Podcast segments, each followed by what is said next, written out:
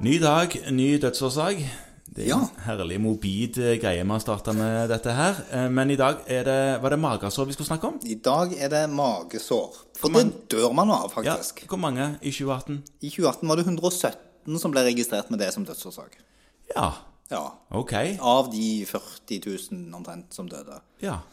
Så hva dør man av da, da? Nei, det vet vi jo egentlig ikke helt, men det er på en måte der det er oppgitt som dødsårsaken. Og da tenker vi vel kanskje i hovedsak på at de har blødd voldsomt. Ja, Ja. ok. Så en blødning som de ikke fikk kontroll på, så blødde en ut og døde, rett og slett. Ja, eh, for det, det kan bli hull inn til buken, og du kan jo få kjempekomplikasjoner med det hvis det blir stående veldig lenge. Men hvem er det som får dette? da? Er det menn eller kvinner? Og hvor gamle er de som får dette? Magesår? Altså, Magesår som sådan er mest vanlig sånn, i, i middelalderen. Og i denne så er det på en måte lagt inn både magesår og sår i øvre del av tynntarmen. Ja, det som heter tolvfingertarmen? Tolvfingertarmen. Og det er ingen forskjell på kjønnene. Nei. Før trodde man kanskje at dette her var en sånn mannestresssykdom. Ja. Det er det ikke. Det, det er nok knytta til eh, den her bakterien. Helicobacter pylori. Ja. ja. Og det er en veldig, veldig vanlig sykdom. Ja, Selve sykdommen er vanlig, ja. Ja. Så det å dø av dette her er ganske sjeldent. I- Særlig i forhold til hvor mange som får den. 10 av befolkningen vil være borti dette i løpet av livet. Ja. Det er godt det ikke er vanligere dødsårsak. da, Ja. ellers hadde den jo havnet høyt opp. Ja, eller det viser vel i hvert fall at det er egentlig en ganske ufarlig sykdom. Ja. Eh, Og det skyldes nok at behandlingen i dag er ganske god, og- og litt sånn, nå er den fritt tilgjengelig over disk, egentlig. I- Hva type behandling da? Å ja. Ja, denne her protonpumpehemmeren.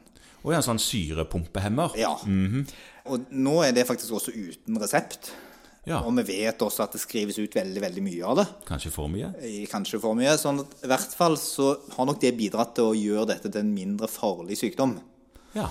Nå skal det sies at hvis man går med symptomer på magesår, om det er smerter i magen, ikke så mye sure oppstøt, men smerter i magen, eller dersom man på en måte hoster opp, kaster opp blod, Ja.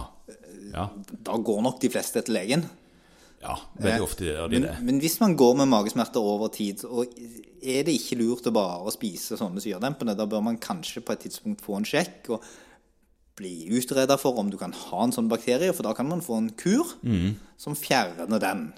Nettopp. Og da slipper man å gå med magesår over lang tid, som da kan være farlig. Noen dør altså av det. Noen rett over 100 dør per år av dette. Ja. Ja, ok. Så eh, ta medisin, men dersom eh, du lurer, så kan det være greit å sjekke om du skal ta den medisinen. For det er ikke bra å bruke den heller, hvis det viser seg å ikke være magesår du hadde. Men ikke minst da. Og hvis det er et magesår, så kan det altså ha med denne helicobacter pylori-bakterien å gjøre. Og da finnes det en trippelkur for å få fjerna den. Hvor antibiotika inngår. Ja. Ja.